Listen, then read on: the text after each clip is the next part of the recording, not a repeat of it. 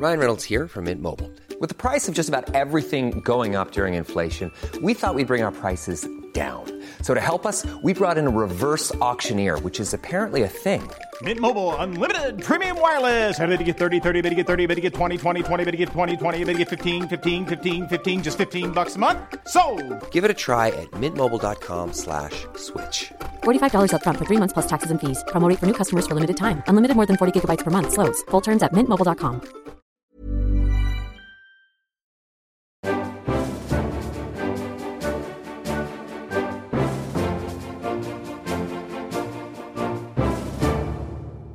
Blir det Hillary Clinton, Donald Trump eller kanskje enda en Bush? I dag skal vi snakke om den amerikanske presidentvalgkampen i Aftenposten Verden.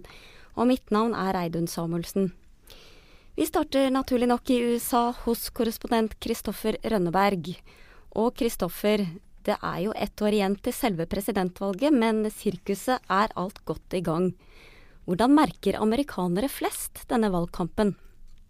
Det kommer helt an på hvor i USA du er og hvem du snakker med. Hvis du er her i New York og snakker med naboene mine i, i Brooklyn, så, så altså Man kan kanskje snakke om valgkampen, men det er sånn distansert. Det er noe som er langt unna i, i, i tid og, og, på alle andre måter.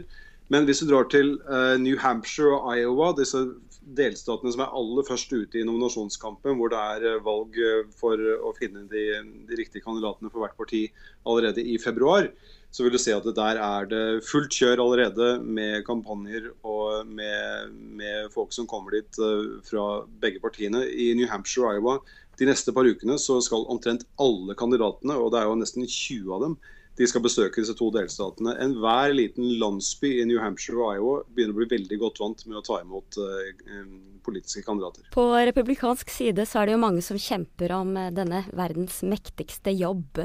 På demokratisk side så er det én dame det handler om, og det er selvfølgelig Hillary Clinton. Vi skal unne oss et klipp fra hennes første store valgkamptale i sommer. That is why I am running for President of the United States. Her i Oslo har vi med oss utenriksjournalist Tarjei Kramviken. Og Tarjei, er det mulig for en annen demokratisk kandidat å utfordre Clinton nå? Det er vans veldig vanskelig å se for seg at det skal kunne komme inn um, noen, noen ny kandidat i denne, i denne valgkampen. Uh, Clinton har fortsatt et stort forsprang, selv om um, Bernie Sanders uh, også gjør det ganske bra på en del meningsmålinger. Og visepresident Joe Biden um, poengterte jo nettopp at det var seint å komme inn i valgkampen da han bestemte seg for å ikke forsøke å utfordre Clinton. Hun har jo hatt noen snubletråder så langt i kampanjen, bl.a. disse e-postene. Kan du forklare hva det egentlig betyr? Ja, det, det, Clinton gjorde, var jo at eh, da hun var utenriksminister, så brukte hun ingen på en måte offisiell e-postkonto. Eh, Alle e-postene hennes gikk via en privat server eh, og en privat e-posttjeneste. Og det gjorde jo da at, at de e-postene ikke ble arkivert, f.eks. på den måten som, um, som, det ville blitt gjort hvis hun hadde brukt en e-postkonto som var kontrollert av, av Utenriksdepartementet.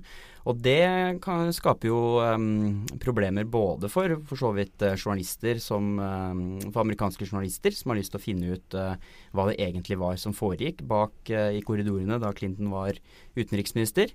Og det kan også gi problemer for senere, da, for historikere som har lyst til å finne ut hva som var grunnen til at amerikansk utenrikspolitikk var sånn som den var uh, under Hillary Clinton.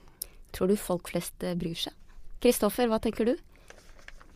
Jeg tror folk begynner bli litt lei av denne saken. Uh, og, jeg tror det ble forsterket da Bernie Sanders sa akkurat det i den forrige debatten uh, mellom uh, de demokratiske kandidatene.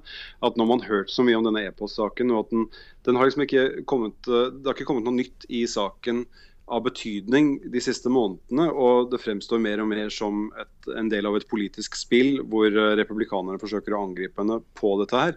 Og Det er fullt mulig at det kommer til å dukke opp nye detaljer og ting som vil være skadelig for Hillary Clinton. Men akkurat nå så virker det som om eh, folk flest er eh, ganske lei av hele greia. Vi føler vel kanskje at vi kjenner henne litt eh, her i Norge også, men eh, du har jo eh, vært tettere på enn de fleste, Kristoffer. Hva er ditt inntrykk av henne som person? Jeg har truffet henne mm, en del ganger, og så har jeg vært på en del av, av møtene, folkemøtene hun har gjennomført som, som, kandidat. Så jeg har kommet, kommet, forholdsvis tett på og fått stilt henne noen spørsmål her og der. Og, og, jeg vet ikke om det er nok til å danne meg et inntrykk, men det jeg kan se er at hun har en fantastisk evne til å utstråle en slags uh, Eh, personlig varme i offentlige sammenhenger. Det er en kvalitet hun, hun, deler med ektemannen Bill. At hun klarer det å være en offentlig person og samtidig fremstå som et menneske. Eh, det tror jeg er en kvalitet som hun nyter godt av, spesielt på disse eh, valgkampmøtene, som jo egentlig er ganske kunstige i, i formen sin. Samtidig så blir hun jo beskyldt for å være arrogant i forhold til den lille amerikaner. Hvis det er én ting som kjennetegner Hillary Clintons eh, politiske liv, så er det at hun har et stort problem med å håndtere pressen.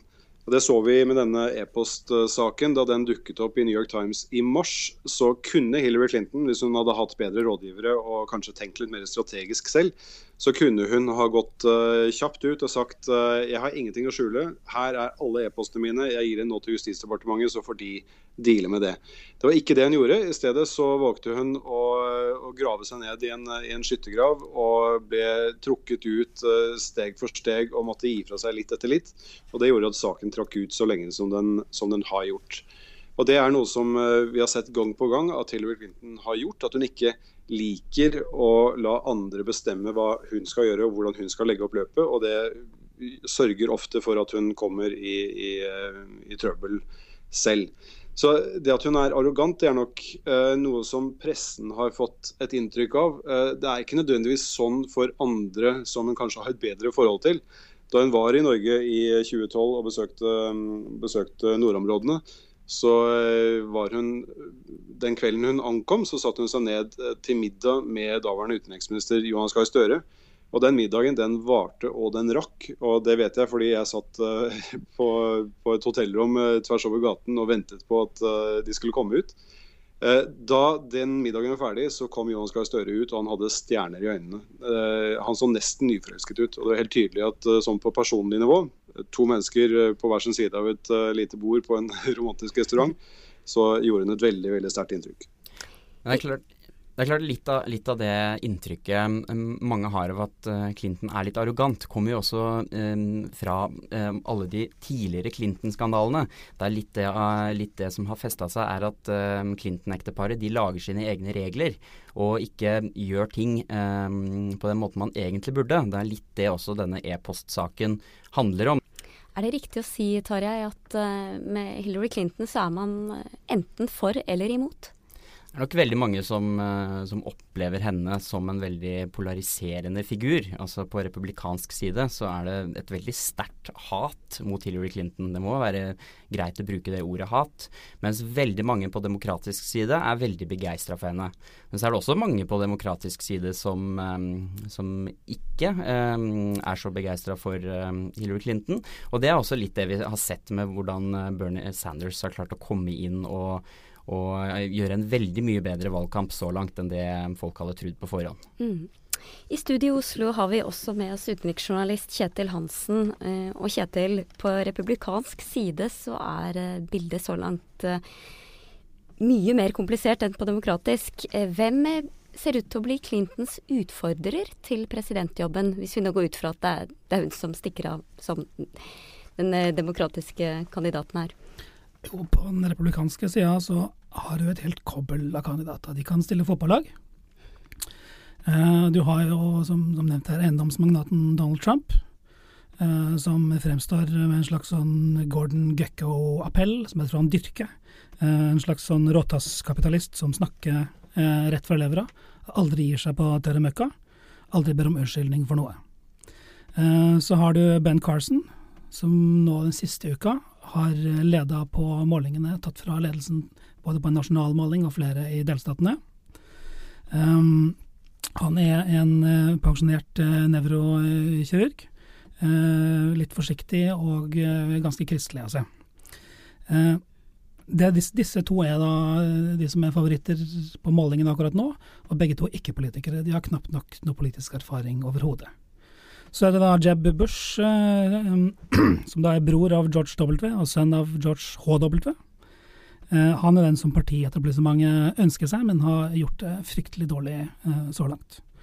Um, og Så finnes det da folk som Carly Fiorina, som er tidligere sjef i Hewlett Packard, og senator Marco Rubio, en, som er cubansk amerikaner fra relativt beskjedne kår i Florida. Um, og så er det en hel skokk med andre. Jeg tror kanskje en av disse um, førstnevnte her er en av de som kanskje stikker av med seieren til slutt. Det er jo mange som kjemper om denne jobben, og hvorfor i all verden vil noen frivillig sette seg i denne posisjonen? Jeg tror man skal tenke at, eh, at um, det er tross alt ikke den verste jobben i verden. Altså. Du får eget fly. Det er ikke så gærent, det. Ja.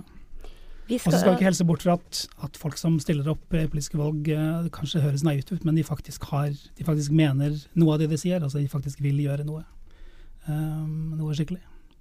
Vi skal unne tror jeg også at det er, eh, det, er verdt å få med seg at det å stille som presidentkandidat det gir deg masse tid på TV. Det gir deg masse oppmerksomhet. Så det er mulig at en del av de som er med i løpet akkurat nå, er fullt klar over at de ikke har en sjanse i havet til å vinne, men at de kanskje har en bok å selge eller ser for seg en karriere som foredragsholder i, i årene fremover. Du nevnte Trump, eh, Kjetil, og det er jo ikke noe tvil om at det er han det har vært mest eh, støy rundt så langt. Vi skal høre et lydklipp der han eh, kommer med en lite fordelaktig beskrivelse av Meghan Kelly, en reporter hos Fox News. She, she gets out and she starts asking me all sorts of ridiculous questions. And, you know, you could see there was blood coming out of her eyes, uh, blood coming out of her wherever. But uh, she was, uh, in my opinion, she was uh, off base. Og Kjetil, hvordan i all verden kan denne mannen appellere til så mange amerikanere? Jeg tror som sagt at han har litt uh, den appellen um, som en som, som snakker rett fra levra. Um, han er ikke politiker, noe som har en stor appell i seg selv for mange velgere nå. Uh, ser at Veldig mange av de som stiller opp, kjører en kampanje mot Washington. Uh, og særlig mange av republikanerne snakker om at uh, vi løser ingenting ved å sende mer penger til Washington. Og disse demokratene, de, det eneste de lover oss, er at du skal få ting gratis. og det går ikke, sier de. Og, og Trump er en slags sånn frontkandidat for denne holdninga. Um, og så sier han ting rett ut som det. Han var tidlig i valgkampen, så sa han det at uh, Mexico de sender nå sine verste folk hit, det er tyver og voldtektsmenn. Uh, og så sa han at de skulle bygge gjerde mot Mexico og få meksikanerne til å betale for det. Um, den uh, lydklippet som vi hørte om, om uh, Meghan Kelly, der skrev han på Twitter at uh, hun var uprofesjonell, hadde opptrådt dårlig, og han retvitra meldinger hvor hun ble karakterisert som en bimbo. Men ingenting, eh, det er ingenting som ser ut til å, å um, føre til at han gjør det dårligere på målingene. Han har litt sånn teflon-effekt teflon foreløpig. Kristoffer, eh, det var denne uken en viktig debatt på republikansk side. Blir dette et valg der protestvelgerne får bestemme, eller lander man på de mer etablerte alternativene? Hva tror du? Jeg tror at uh, vi alle kan bli veldig overrasket hvis det er Trump som stikker av med nominasjonen. Og hvis han gjør det, så tror jeg ikke han har eneste, uh, et eneste lite håp om å kunne bli president i USA.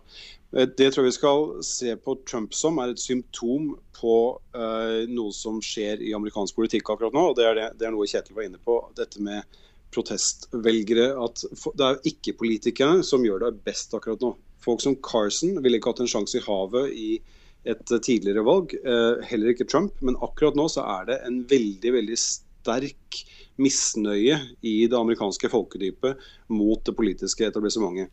Og det er en, en, av grunnene til at Jeb Bush gjør det så dårlig, det er at han er selve symbolet på dette etablissementet. En annen grunn er selvfølgelig at han har hatt tre helt grusomt dårlige debattprestasjoner. Men vi ser en, en, klar tendens, og jeg har vært på flere møter med Tea Party-aktivister og andre folk på høyresiden i det republikanske partiet, hvor de sier rett ut at vi er lut lei av politikerne som bare snakker og som ikke gjør noen ting. Og vi vil ha noe annet. Og noe annet akkurat nå, det er eh, Carson og det er Trump.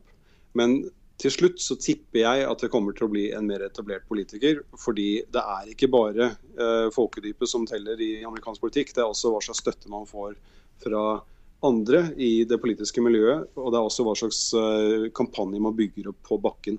Du snakker om det misfornøyde folkedypet. Sett utenfra så er jo den verste økonomiske krisen her over. Hvorfor er misnøyen stor akkurat nå, Tarjei? Det er nok mange grunner til det. Altså, mm, i de to foregående valgene så har nå uh, veldig mange uh, republikanere fra det som kalles Tea Party-fløyen blitt valgt inn i Kongressen. Uh, og det er stor misnøye med at de rett og slett ikke har klart å gjøre noe etter at de kom til Washington, disse representantene. De har ikke klart å blokkere Obamas politikk så effektivt som de lovte på forhånd. De har heller ikke klart å fremme sine egne saker. Og det har jo ført til at at det er blitt en enda større sånn slags eh, opprør mot at også at det ikke bare er demokratene som er problemet, men det er svake republikanere som ikke er konservative nok, eh, som er en del av problemet. Og det er et problem for Jeb Bush f.eks., som jo um, um, settes veldig i forbindelse med dette mer etablerte delen av det republikanske partiet. Når vet vi hvem som uh, møtes ved sluttstreken i november neste år? Kjetil? Nå begynner jo, eh, som Kristoffer sa, eh, nominasjonsvalgene 1. og 8. februar i Iowa New Hampshire. Og så går det slag i slag utover uh, våren og sommeren. De siste delstatene har valg ut i, ut i juni. Men en eller annen gang mellom der så vil en eller annen kandidat stikke seg ut, og vi vil se hvem det blir som stiller opp mot Clinton til slutt. Kristoffer, det er én kvinnelig kandidat på republikansk side, og så har du Hillary Clinton. Er eh, USA klar for en kvinnelig president nå? Jeg tror det som er eh, fint med denne valgkampen her, er at eh, det er ikke et kjempetema. Altså Hillary Clinton stiller som kandidat fordi hun er kvalifisert til å være det, og fordi hun nyter stor støtte blant, blant velgerne. Det at hun er kvinnelig kandidat, det er klart det er noe hun trekker fram, men det er et, et element av kandidaturet hennes. Og Det samme gjelder Carly Fiorina. Hun stiller ikke som republikanernes eneste kvinnelige kandidat. Hun stiller fordi hun mener at hennes erfaring som toppsjef i, i HP er eh, noe som kan være nyttig for henne også som, som presidentkandidat.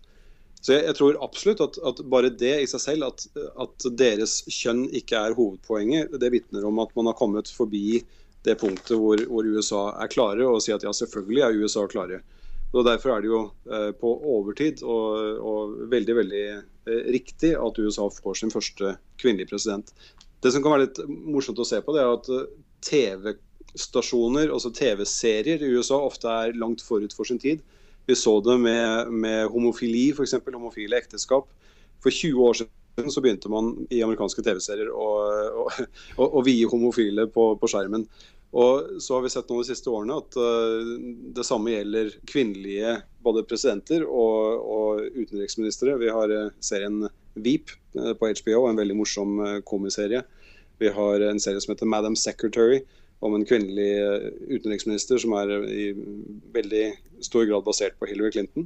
Så jeg tror det at man varmes opp til ideen om en kvinnelig president uh, i, uh, i, mediene, det tror jeg også, også, hjelper. Men om USA er klare for en kvinnelig president, ja, ja selvfølgelig, tror jeg mange amerikanere vil si. Og Det som er litt spesielt med denne valgkampen også, er at på demokratisk side så har vi et uh, sett med kandidater uh, der alle har vært uh, hvite mennesker relativt høyt opp i alder. Mens på republikansk side så ser vi et helt annet spekter. Det er yngre kandidater, det er eldre kandidater, det er eh, en kvinne. Og så er det også kandidater av forskjellig etnisitet. Sånn som f.eks. Um, Marco Rubio som er latinamerikaner, eller Ted Cruz som også er latinamerikaner. Og Ben Carson uh, som jo er afroamerikaner. Og, og det er litt fint at, at at det er på den måten. Og du ser på republikanerne, jeg tror det er så mange som stiller opp, så er det fordi de tror de kan vinne etter åtte år med Barack Obama sitter sikre på at eh, den republikanske kandidaten vil vinne valget. Og Da er det også vanskeligere for demokratene å fremstille det republikanske partiet som et parti bestående av bare gamle hvite menn, som jo har vært et uh, inntrykk mange har hatt. Hvis dere skulle inngått et uh, veddemål i dag, hvor vil dere satset pengene? Kristoffer, du først. For to år siden så ble jeg stilt det samme spørsmålet til en til en blogg om amerikansk politikk. Og da svarte jeg Rubio og Hillary Clinton at det blir kandidatene. Det tror jeg fortsatt at jeg skal stå ved. Og så tenker jeg at Hillary Clinton, akkurat slik det ser ut nå, har en veldig god mulighet til å bli USAs neste president. Jeg også tenker Hillary Clinton vel er det mest uh, sannsynlige uh, navnet nå. Det eneste som vel kan stoppe hun nå, er vel hvis hun blir sikta eller tiltalt for noe i denne e-postsaken, som tross alt etterforskes av uh, eh, FBI. på republikansk side er jeg enig med Kristoffer at Marco Rubio nok er min favoritt. Jeg tror også på Marco Rubio. Han er på en måte 2016-versjonen av Barack Obama. Han er forholdsvis ung. Han har minoritetsbakgrunn. Han kommer fra enkle kår. Han er senator og han har en viss karismatisk appell. Og jeg tror også at han kan slå Hillary Clinton i presidentvalget. Og det som er sikkert, er at vi kommer tilbake til den amerikanske valgkampen også i senere sendinger av Aftenposten Verden. Dagens sending er over. Takk til Kristoffer Rønneberg i New York, Kjetil Hansen og Tarjei Kramviken fra studio her i Oslo. Utenriksredaksjonens podkast er selvfølgelig tilbake neste uke. Hvis du vil ha oss rett på mobilen før den tid, så kan du gå inn i iTunes, søke opp Aftenposten Verden og få også alle tidligere sendinger rett inn der. Følg oss også på Facebook, på Twitter, og les oss på ap.no. Vi er også på papir i en postkasse nær deg. Takk for oss.